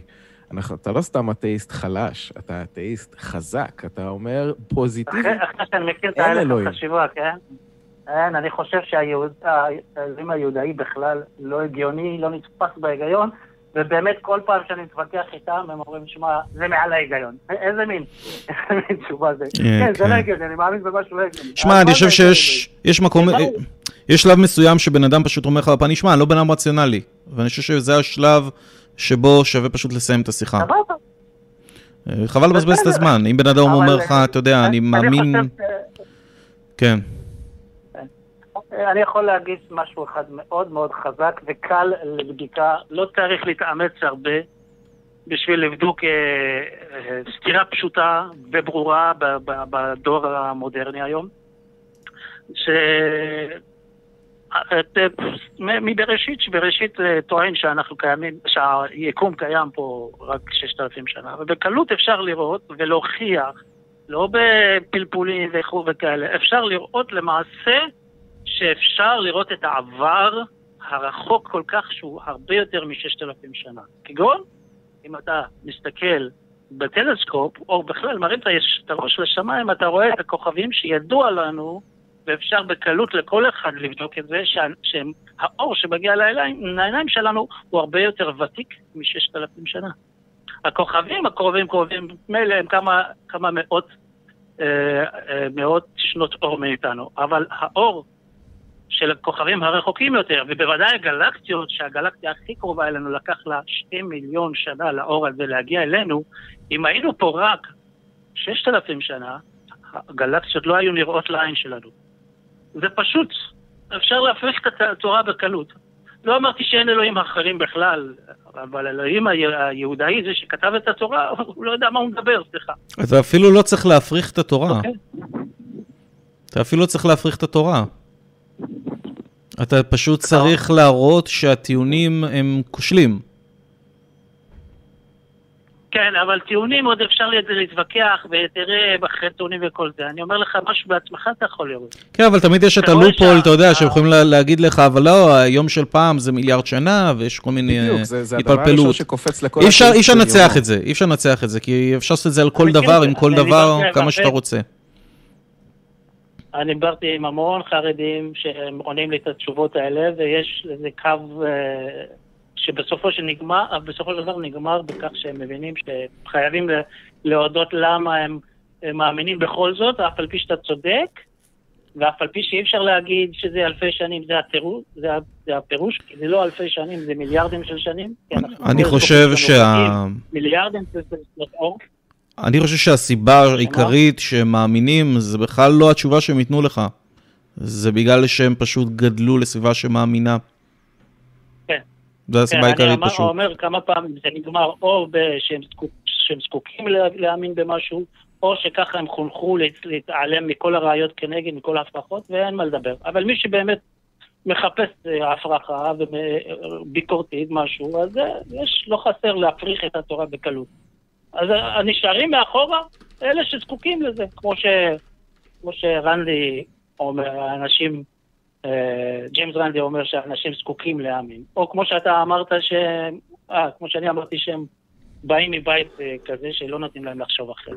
זהו. אבל מעניין אותי, ישראל, מה אבל- הפך אותך ל- ל- למישהו שעכשיו יוצא מהעולם החרדי, ומה היה אני לא חושב... הקש ששבר אותך? ארבע שנים לצאת מזה. לקח לי ארבע שנים לצאת מזה לגמרי, בחשיבה של ארבע שנים. הייתי עשר שנים אברך, כשחזרתי בתשובה. אחרי זה ארבע שנים של הידרדרות והתרחקות מהדת, וברוך השם, היום אני נקי לגמרי, מה... לגמרי מהדת. איך זה קרה? איך זה התחיל? אה, מה היה הדבר הראשון? אצלי ספציפית, הייתי אברך, הייתי תלוי בכסף ש... שמנדבים לי מהכולל, ו... והייתי תמים, והייתי מאמין שאני לא צריך יותר, ולא הייתי מבקש יותר ממה שאני זקוק, הייתי תמיד על האפס. אני לא מאמין בהלוואות, ולכן כשהיה אה, אה, צורך ברפואה מאוד דחופה או משהו, כשאני הלכתי לדרוש מאלוהים, אני עשיתי את שלי, אתה תעשה את שלך, הוא לא עשה את שלו, זה בקצרה, בקצרה אמרתי. הוא לא עשה את שלו, חיכיתי לישועה משמיים, וזה היה על, על חשבון אחד הילדים שלי. יכלתי להשאיר אחד הילדים נכים בשביל התדגות שלי, לחכות עד שאלוהים יעשה שלו. ולא לא הרשיתי לעצמי, ואז זה היה פתח לחשיבה ביקורתית. ומאז ארבע שנים אחר כך אה, עזבתי לגמרי את, הש... את, ה... יפה לשמוע. את הדת לאט לאט לאט. לקחת אחריות, כן. פשוט לקחת אחריות. נכון, נכון, אחריות. מקווה שזה נותן אה, השראה אה, למי ששומע אותנו. אני מעריץ אותך, תראה. פשוט אומר לך את זה דוגרי. תודה. מעריץ אותך. כל תודה. הכבוד, תודה שהתקשרת אלינו הערב. אה, תמשיך להיות איתנו בקשר, נשמע מאוד מעניין. עוד דבר אחד קטן. כן, עכשיו, בקשר ל- לשם אה, של האלוהים, יהווה כל הזמן, אתם אומרים, אני לא מבין למה, ב- ב- במסורת היהודית זה כתוב להגיד כמו ניקוד לעולם, זאת אומרת זה יהובה. למה יהווה? מאיפה זה בא? במקור... יש באמת הרבה מכות על זה, מכות בפייסבוק, יהובה, יהווה. אף אחד לא יודע איך להגיד את השם. יאווה. אף אחד לא יודע באמת להגיד איך אומרים את השם. בתרגום האנגלית ככה, זה, ב- כנראה שזה מאנגלית אנחנו אומרים יהווה, אבל אנחנו לא צריכים להעתיק מאנגלית, אנחנו צריכים לה- להיות המקור, אז אה, צריך להגיד כמו שכתוב במסורת, יהובה. אה, המסורת, אה, דרך אגב, הניקוד נכנס רק בימי הביניים, ככה שאנחנו לא ממש יודעים איך אומרים את השם.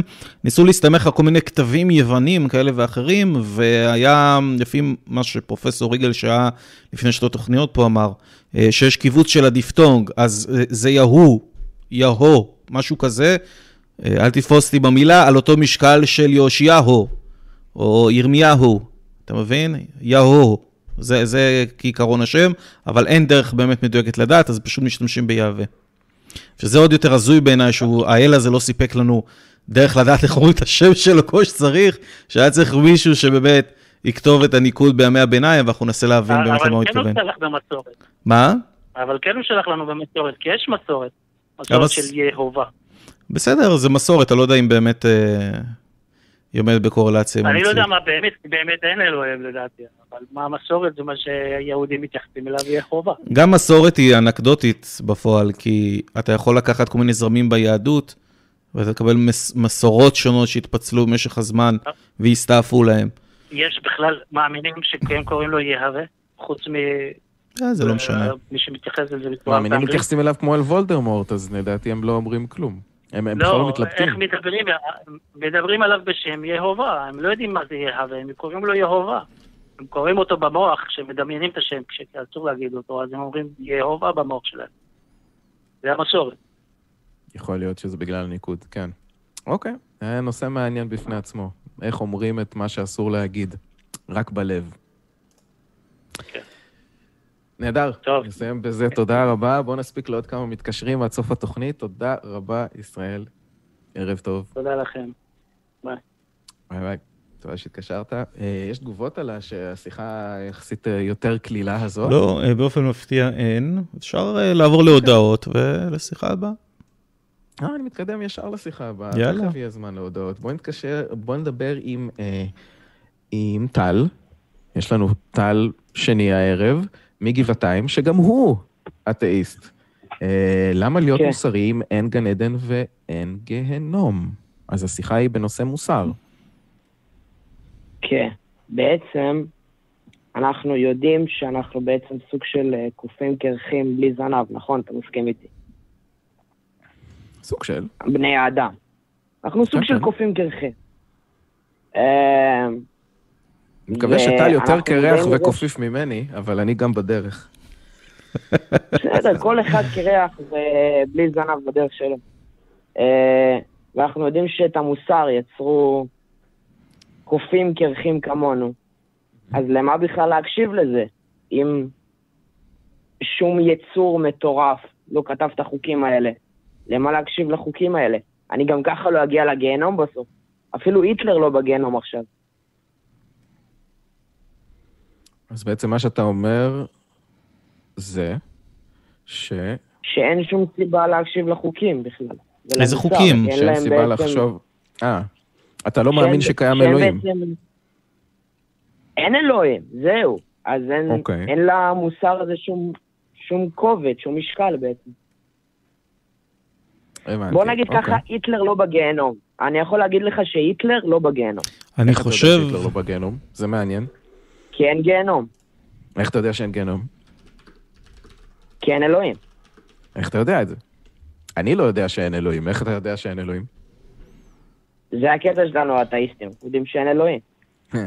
אז טיפה יותר מורכב מזה, אנחנו לא סתם אומרים אין אלוהים כי התעוררנו בוקר אחד, או שכמו שטל אומר, טל שלנו, ישבנו בשירותים וחשבנו שאין אלוהים. אנחנו מנסים להבין את הסיבות שקיים אלוהים, ונטל ההוכחה הוא לא עלינו. אז uh, זה נכון שאתה צודק, בסופו של דבר, אם לא הצליחו להצדיק את קיומו של אלוהים, למה שנחשוב שמישהו הוריד שם מוסר, ואז הכל נובע מזה. אבל אני רוצה להגיד משהו יותר חשוב מזה בעצם, וזה אולי ייתן לך איזשהו כיוון שלא חשבת עליו. גם אם קיים אלוהים, והוא הוריד הוראות מוסריות, למה להקשיב להוראות המוסריות האלה? רק בגלל שאנחנו פוחדים מגן עדן, פוחדים מהעונש של, של גיהנום? זה, זה כאילו נראה קצת אה, לא, בד... לא בדיוק מוסרי, אתה לא. מבין מה אני אומר? כן, אבל לפחות יש בו, פה איזשהו היגיון, כי אתה, אתה עושה את הדברים כי אתה פוחד מהגיהנום. עכשיו, אם אין גיהנום, אין לך שום סיבה לעשות את זה. יש פה היגיון ציני, יש פה אה, היגיון של אה, אני שומר על התחת שלי, ויש פה נסיבות כן. של בוס של מאפיה, שבא וגובה ממך פרוטקשן. זה מה שקורה. עכשיו, אתה יכול לבוא ולהגיד, כן, אם הוא אומר לי שאני צריך, אה, אה, אה, אם אני צריך אה, אה, להחזיק עבדים, למשל, או אם אני יכול להחזיק עבדים, ואף אחד לא אוסר עליי, אז אני הולך לעשות את זה, גם אם אני מרגיש לא טוב עם זה. אבל אתה יכול גם להפעיל את החוש הפנימי שלך ולהגיד, אני לא הייתי רוצה להיות עבד של אף אחד, בטח שלא בתנאים כאלה שמותר להרביץ לי, כל עוד אני לא מת תוך יומיים, אז אה, זה צריך לבוא ממשהו יותר פנימי לדעתי. משהו ממך. מה, כאילו, שאני לא ארצה לעשות משהו רע למישהו אחר, כי אני לא ארצה שיעשו לי משהו רע? כן, כן, זה, זה היגיון מאוד בסיסי, שאתה אומר, אה, אה, אנחנו חיים באיזושהי סביבה משותפת, ואנחנו רוצים לעבוד בשיתוף פעולה כדי לשגשג. ובין אם קיים אלוהים שהוריד איזשהו סט של הוראות, ובין אם לא קיים, אני הולך להסתכל על ההוראות שהוא הוריד כהוראות שאני הולך להפעיל את השכל שלי ולחשוב עליהן, האם הן טובות לנו או לא. וכשהוא אומר, למשל, שאנשים ששוכבים עם בני מינם במערכת יחסים בהסכמה ובאהבה, אבל כל זה לא משנה, פשוט הם שוכבים בין uh, גייז, צריך פשוט לסקול אותם ולהרוג אותם. אז בין אם יש גיהנום או אין, משהו בי מתעורר ו- וצועק שזה לא הוגן, לא מוסרי, לא הגיוני. ואם אני רק אה, אכסתח את עצמי ואפעל לפי האיומים שלו לזרוק אותי ללבה רותחת, או אני לא יודע מה בגיהנום, אז אני פשוט בוגד בעצמי וחי חיי גיהנום כרגע, בסבל מוסרי שאני פשוט חווה. זה, זה מה שאני חושב שצריך לעבור לכל בן אדם בראש, בין אם הוא מאמין או לא, זה מה שיפה פה. אפילו אם קיים אלוהים והוא הוריד את ההוראות האלה, זה, זה משהו שאתה עוצר רגע, אתה אומר, אוקיי, מה יש לאלוהים מה, מהגייז האלה? מה הוא רוצה מהם? הם, הם אנשים מועילים לחברה, הם אוהבים אחד את השני, הם עושים את זה בהסכמה. הם יכולים גם לגדל משפחות נפלאות באימוץ, להציל ילדים עזובים מפנימיות. כן, אבל uh, האמת, אנחנו, אנחנו האתאיסטים הרבה פעמים יורדים על דתיים, על הקטע של ההומופוביה. אבל האמת שגם סין הם הומופובים וגם uh, צ'ה גווארה היה הומופוב. אז האמת שגם האתאיסטים היו הומופובים.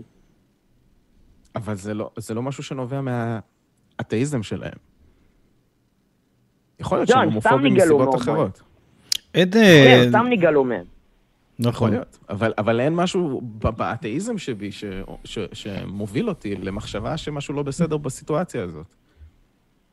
אבל בתאיזם, לא, גם אותי קצת מגעיל הומואים, זה זה מגעיל. כאילו, אני לא אוקיי, אלך ואהרוג אין שום הומואים. בעיה, אבל- זה טעם. וריח, אתה מבין? אתה על טעם כן, וריח לא הולך. ורוצח, כאילו, אנשים, סוקל אותם בעודם בהכרה?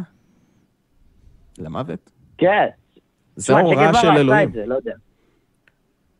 מה? זה מעניין מה שאתה אומר, כי אני לא הכרתי את העניין הזה עם צ'ה גווארה, אני לא החזקתי ממנו יותר מדי לא, לפני צ'ה זה, ועכשיו גווארה הוא עוד יותר החזיק, מוריד לי. אה, כן, מחנות ריכוז של הומואים. לא הרבה יודעים את זה.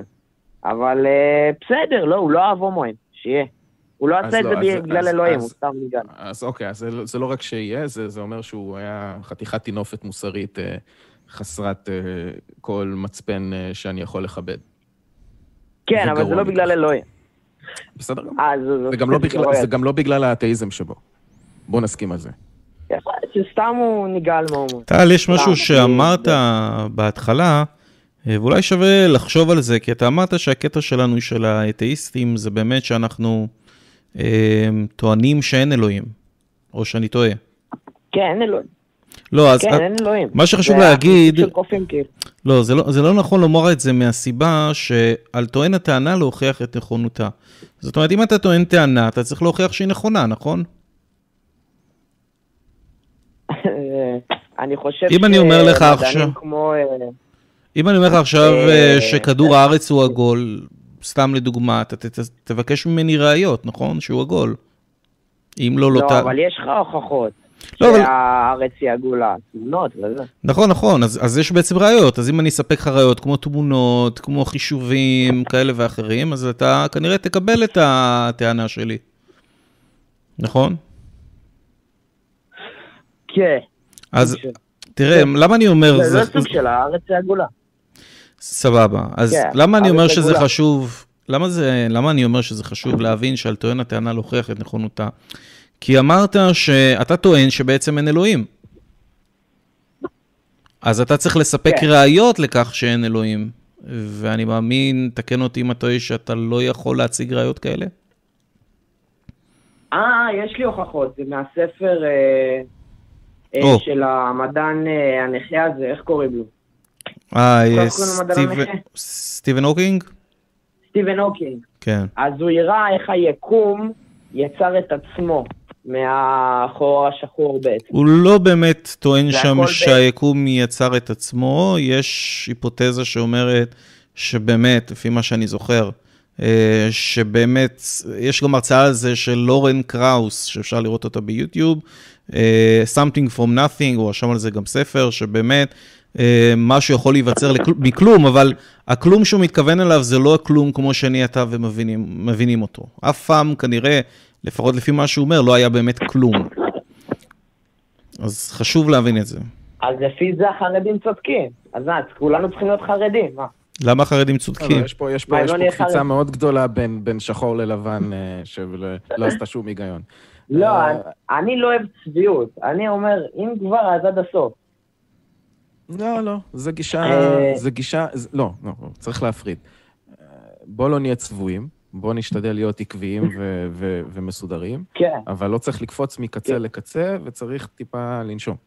אבל uh, עכשיו נכנסנו קצת לאיזה נושא אחר, uh, עם לורנס קראוס והתחלה של היקום. בוא נעזוב את זה לפעם כן, אחרת. אה, אני אשאל אותך, רגע, יש לי זמן לשאול אותך עוד איזה שאלה? ב- משהו קצר, ואז מהסרט, נסיים, כי אני רוצה עוד להספיק שיחה אחת לפני כן. סוף התוכנית. כן.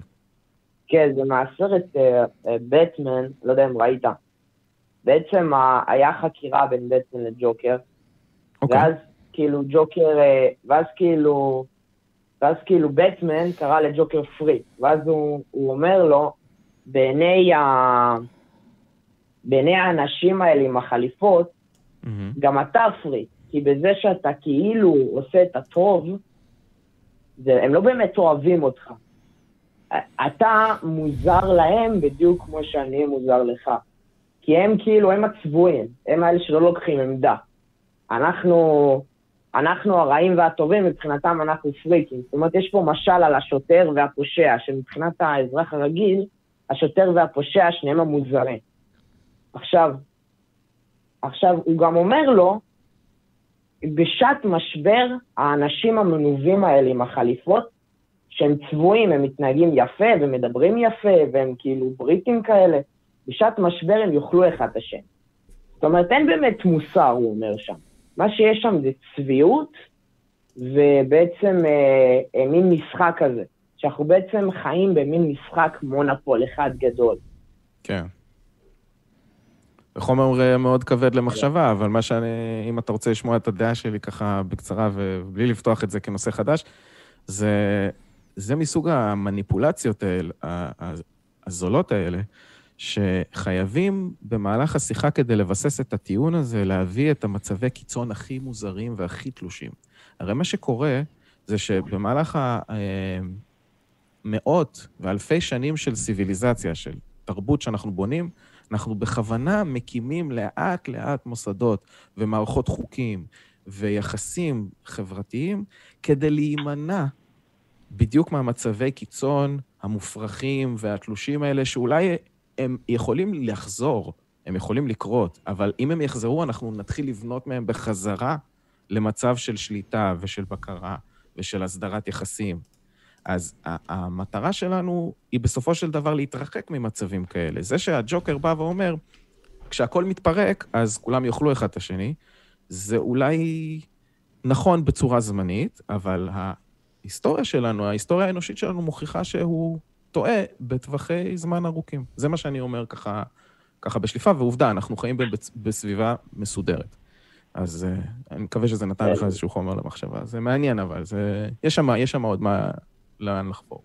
אבל תודה שהתקשרת, ושיהיה ערב טוב ושבוע טוב, ונמשיך uh, למתקשר הבא, ברשותך, שיהיה ערב טוב. ביי ביי, טל. לא לך, טל, אה, טל המתקשר, אתה, אתה נשאר איתי. אה, לא לשכוח, דף, עמוד פייסבוק שלנו וקבוצת הדיונים שלנו, זה ההודעות שאתה אוהב שאני אזכיר. הקו האתאיסטי ובפייפל. בפייסבוק, הקו האתאיסטי בפייסבוק. הקו האתאיסטי ביוטיוב כמובן, פה, ואם אנחנו עכשיו נעבור למתקשר הבא, אנחנו נספיק אותו. עשר דקות אחרונות לתוכנית, בואו ניקח את שראל מירושלים, שמציג את עצמו כאתאיסט אגנוסטי, ואומר שהוא רוצה להתייעץ שלום. איתנו. בוא תתייעץ איתנו, ערב טוב. ערב טוב. אמ, היי, אז אני גם חרדי לשעבר. אמ, אה, נתקלתי באיזושהי בעיה עם אה, אבא שלי, שנתקלתי בזה, האמת היא, בעבר על בשרי, והפעם זה על אה, בשרו של אחי הקטן.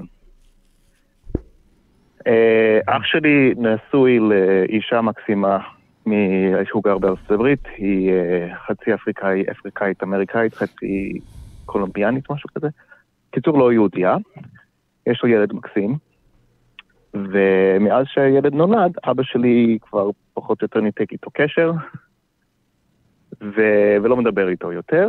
Uh, הוא עשה לי את, הדבר, את אותו הדבר כשהיה לי, uh, כשהייתי גם, הייתי בעבר נשוי לגויה. Uh, והוא ניתק איתי קשר כל התקופה שבה הייתי נשוי לה, ואחרי שהתגרשתי ממנה הוא פתאום חזר אליי. Uh, עכשיו, uh, יש איזושהי הטבה שאבא שלי מקבל דרך אח שלי, קיבל בעבר דרך אבא, אח שלי, והוא פשוט פנה אליו בגלל שהוא צריך את ההטבה הזאת, פתאום פנה אליו. הדבר הזה מטריף אותי. אני, אני מה זה כועס עליו? מה זה עצבני עליו? אני, אנחנו ביחסים טובים, פחות או יותר, כל עוד אנחנו לא מדברים על דת. עכשיו, השאלה שלי היא, כאילו, איך, איך להתמודד עם זה? אני, היה לי כמה מחשבות, אולי לנתק אותו ממני, לתת לו טעימה מהתרופה שלו, או להיכנס בו בכל העניינים שאנחנו מדברים כאן, ולרסק לנו את, ה, אה, את היחסים, כי ברגע שאני הולך להביא לו את כל הטענות של אני, שמפריחים את האלוהים, אז הוא יתעצבן עליי נורא. או להתעלה, לא יודע, כאילו, מה אתם חושבים לגבי זה? אני אגיד שהתוכנית הזאת... במהותה, כמו שאתה בוודאי מכיר, אם אתה ראית כבר מספר אה, תוכניות ושמעת עלינו, זה אה, כן. נוגעת בתוכן אה, שיותר קשור לדיון עצמו, האם קיים אלוהים או לא. מה שהצגתי בדברי הפתיחה, סיבות, הפרחות. מה שאתה מעביר אותנו אליו זה, זה, זה מין תחום שלם של אה, יחסים אישיים מורכבים, שאנחנו יכולים אה, לנסות להתיימר, אה, לתת איזושהי עצה ככה מהיגיון בסיסי, אבל אנחנו לא אנשי מקצוע, אנחנו לא אנשים מוסמכים לכך. אמ, אני חושב שמה שאנחנו יכולים לעשות... אני אשמח, כן, אני אתן את... אני חושב שמה שאנחנו יכולים לעשות, באמת, אנחנו לא אנשי מקצוע, אבל אולי להגיד מה אנחנו היינו עושים. אה, ומפה תיקח את זה... כן, נשמח. אמ, אני יכול להגיד מה אני הייתי עושה במצב כזה, אני חושב שהדבר הכי בריא באופן כללי, זה לתקשר. לשבת עם אבא שלך ופשוט להגיד לו מה אתה מרגיש. אמ, אתה יודע, ולפי התגובה אוקיי. שלו, אולי לנסות להבין מה, לאן לקחת את זה. מעבר לזה, אין לי, אין לי תשובה. לא פשוט. קשה לנו, קשה לנו להיכנס ל, ל, לזווית שלך מבחוץ, מכל כך מיעוט פרטים שאנחנו שומעים ככה. כן, זה נשמע כמו עניין משפחתי יותר מעניין דתי, כי אם היית, אתה יודע, אומר לנו ש, שזה משהו שקשור לאמונה של אבא שלך, אה, אז אולי היה לנו דרך... זה קשור לאמונה שלו. הוא, הוא ניתק קשר בגלל שאח שלי התחתן עם גויה, שזה אסור על פי הדת. הבנתי, הבנתי. אה, כן. זה ממש עניין דתי. כן, לגמרי, זה לא פשוט. אבל אני, אני באמת חושב שמה שאתה אומר זה כאילו לדבר ולא לקפוץ לכל מיני מסקנות. תראה, בלי קשר לדבר זה תמיד בריא, ו... כי להסתובב עם זעם באופן קבוע בתוך המערכת זה לא דבר בריא, אז תמיד תוציא את הדברים החוצה בלי שום קשר, זה לפחות מה שאני הייתי עושה. לגבי עניין של הדת, אם אבא שלך הוא בן אדם סופר סגור לגבי הדת ובאמת אי אפשר לדבר איתו והוא לא רציונלי בשום צורה, אז אי אפשר לכפות את זה, לדעתי לפחות. אין, אין מה לעשות יותר מדי שהוא... חוץ מלהיות מתוסכל. אבל אתה צריך לדעתי להבין שזה פשוט לא אשמתך, וזה לא אשמת אבא שלך, אה, לא אשמת, סליחה, אחיך שהוא כזה. ו... וזהו, כן. ו... אתה יודע. כן. רציתי להגיד לכם משהו אה, מצחיק, אה, אה, אולי אירוני, ש... שעלה לתוך השיחה שלי איתו, שבעצם... כשאני הייתי נשוי לאשתי לשעבר, mm-hmm. הוא אמר שהוא התפלל עבור, ש, שאני ואשתי נתגרש. והוא אמר שזה קרה, עובדה, התפילות שלו עזרו, והיה לי מחשבה כזה של כאילו, רגע, אם, כאילו, כמו שאומרים, יש בעצם תוכנית לאלוהים, אז, למ, אז הוא יתפלל כדי או, או, או לשנות את התוכנית שלו, או להשפיע על התוכנית שלו. ואם לאבא שלי יש רצון חופשי, כמו שטוענים, שכדי שיהיה טוב ורע צריך רצון חופשי וכל ה, מה שהמתקשר הקודם דיבר, אז אם אלוהים מתפלל, אז, ואני לא רוצה להתגרש מהאישה שלי, אז אלוהים בעצם לוקח ממני את הכוח הרצון, בזכות הכוח הרצון של אבא שלי, אבל אין לאלוהים, במקרה הזה גם לאלוהים אין כוח רצון כי זה מבטל את התוכנית שלו. נכון, הבחנה, כאילו, הבחנה מאוד... אני רוצה לחדד את מה שאתה אומר. אני בתגובות בפייסבוק אצלנו, בקבוצת דיונים, אה, הצעתי את זה למגיב דתי, ש... אה, שרצה לשמוע קצת על הסתירות, אה, על הפרדוקסים האלה שיש עם אלוהים כל יכול ובחירה חופשית ואיך זה מסתדר. ואמרתי שם שאם אלוהים הוא כל יכול, הוא לא יכול להיות במצב שהוא נותן יכולת ובחירה חופשית למי שכפוף אליו או שהוא ברא אותו. כי בסופו של דבר, המקסימום הזה שאלוהים הזה קיים, שהוא עם היכולות האלה שהן אינסופיות ולא מוגבלות, אה, זה, זה לוקח ממנו, זה, זה, הוא חייב להשעות משהו מהכל יכולות שלו, אה, אם הוא מעביר הלאה למי שהוא יצר אותו, איזושהי בחירה שהוא לא ניווט אותה. עכשיו, הבלבול הנפוץ פה הוא לחשוב שאלוהים... אה, בסדר בעניין הזה, כי הוא יודע מראש את הבחירה. הוא נתן לך בחירה חופשית, אבל הוא כל יודע, ואפילו שיש לך בחירה חופשית, הוא יודע מראש את התוצאה. פה הסתירה היא לא קיימת, אבל הסתירה היא בהחלט קיימת בכך שאם הוא כל יכול, והוא מסר חלק מהיכולת שלו אליך לעשות מה שאתה רוצה עם החיים שלך, הוא לא יכול להיות כל יכול בסופו של דבר, זה, זה בא על חשבונו. לא. אי אפשר לקבל את זה משני הקצוות. כן, וברגע שאומרים, אבל הוא מעל ההיגיון והוא מעל היקום, אז פה אנחנו זורקים את הטענות החוצה ומפסיקים את השיחה. זו השאלה שצריכה להישאל, אם, אם הוא מעל ההיגיון, אז איך הוא יודע שהוא צודק? זה גם סתירה בפני עצמה. כי, כי אבא שלך, אבא שלו משתמש בהיגיון. אבא שלו משתמש בהיגיון בשביל להגיע אה, למסקנות שלו. אז אם הוא מעל ההיגיון, איך הוא יודע שהוא צודק? זה גם סתירה בפני עצמה. זה בעצם אה, בריחה. זה פשוט מנגנון בריחה. כן. עכשיו, מה שהייתי אומר אולי ל, ל, בשיחה איתך, עם, עם אביך, זה שהוא יעצור לחשוב רגע על עקדת יצחק, על דברים כאלה שהעמידו במוסר האלוהי הזה את היחסים בין אב לבן, ו, ויחשוב טיפה על מה שקורה כרגע בדינמיקה בינו לבין אחיך. והוא יחשוב על אלוהים שמרחיק, מרחיק בשיא תבונתו ויכולותיו לבנות מוסר מושלם, הוא מרחיק את אביו, את, את אב מבנו, הוא מרחיק אותך, הוא יוצר קרע משפחתי, בגלל הסיבה היחידה שבחיר ליבו, בחירת ליבו של אחיך איננה גנטית, בת לאם יהודייה. רק מהסיבה הזאת, ולא שום סיבה אחרת, משהו גרם לאביך לנתק את הקשר. זה מה שאלוהים שלך יודע לייצר בעולם שלנו. זה משהו שהוא חייב לחשוב עליו, טיפה לספוג אותו. את הבן שלו, בשר מבשרו, זה משהו שהייתי משאיר לאביך ככה לחשוב עליו.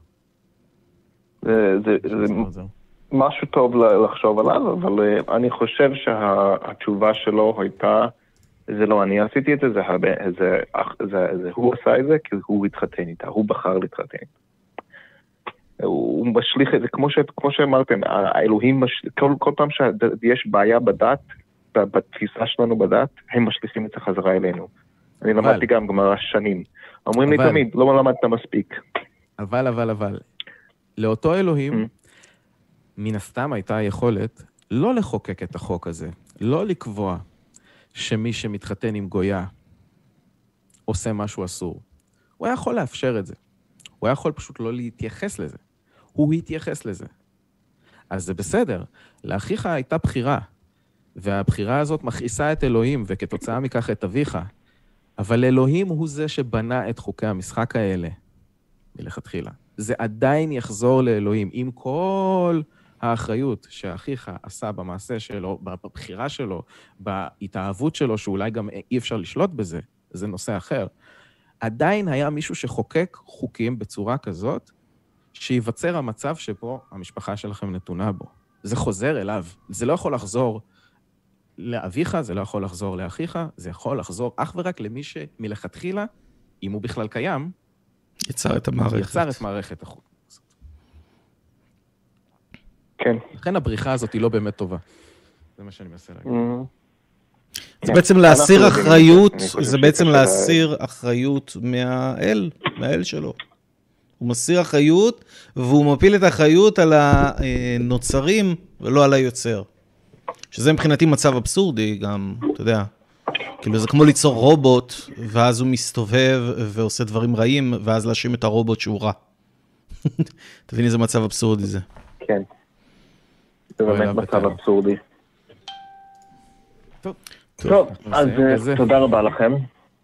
תודה שהתקשרת ושיתפת אותנו, ממש, תודה. שעזרנו במשהו. בהצלחה. כן.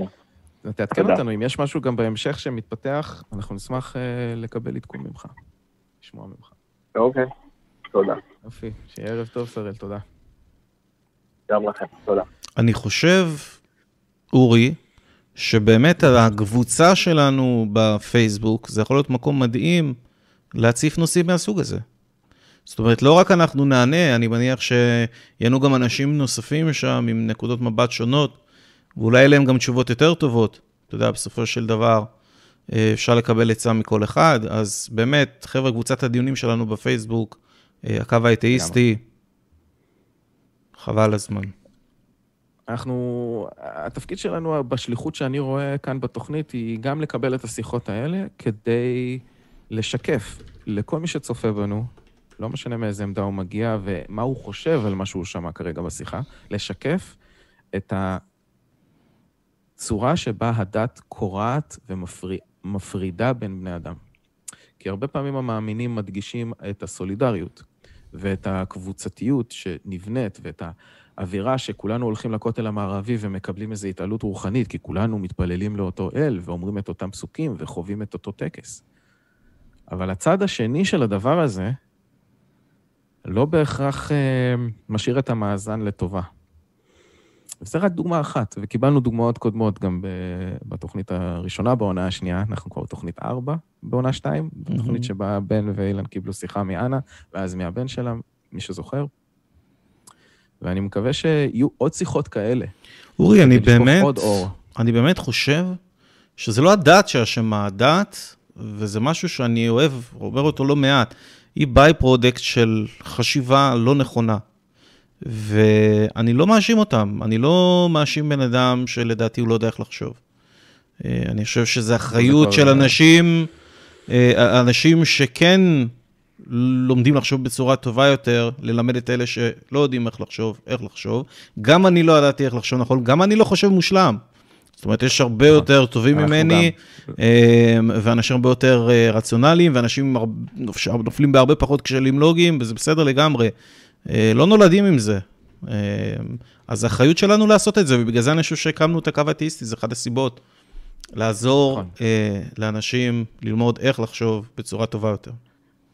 ואנחנו מנסים את המקסימום שלנו, נכון. ואם למישהו יש דרך טובה יותר לחשוב מהדרך שבה אנחנו חושבים, בכל יום ראשון, שמונה וחצי בערב, ואפילו חמש דקות לפני זה, זה הזמן שלכם, כי אנחנו בנינו את כל הפלטפורמה הזאת כדי לתת לכם את הבמה.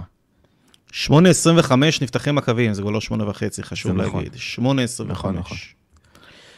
וכך הגענו לסיומה של התוכנית גם הפעם, 31 לינואר, מחר, חודש חדש, למניינם, ואנחנו אה, נזכיר שוב, לייק לעמוד פייסבוק שלנו, ותיכנסו לקבוצת הדיונים שלנו, בואו נמשיך את הדיון שם.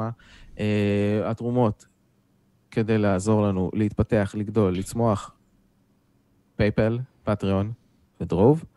אה, אני מאוד נהניתי הערב. גם תודה אני. טל, תודה לבן ואילן, תודה לצ'אט. שיהיה לנו אחלה שבוע, נתראה בתוכנית הבאה. שבוע טוב.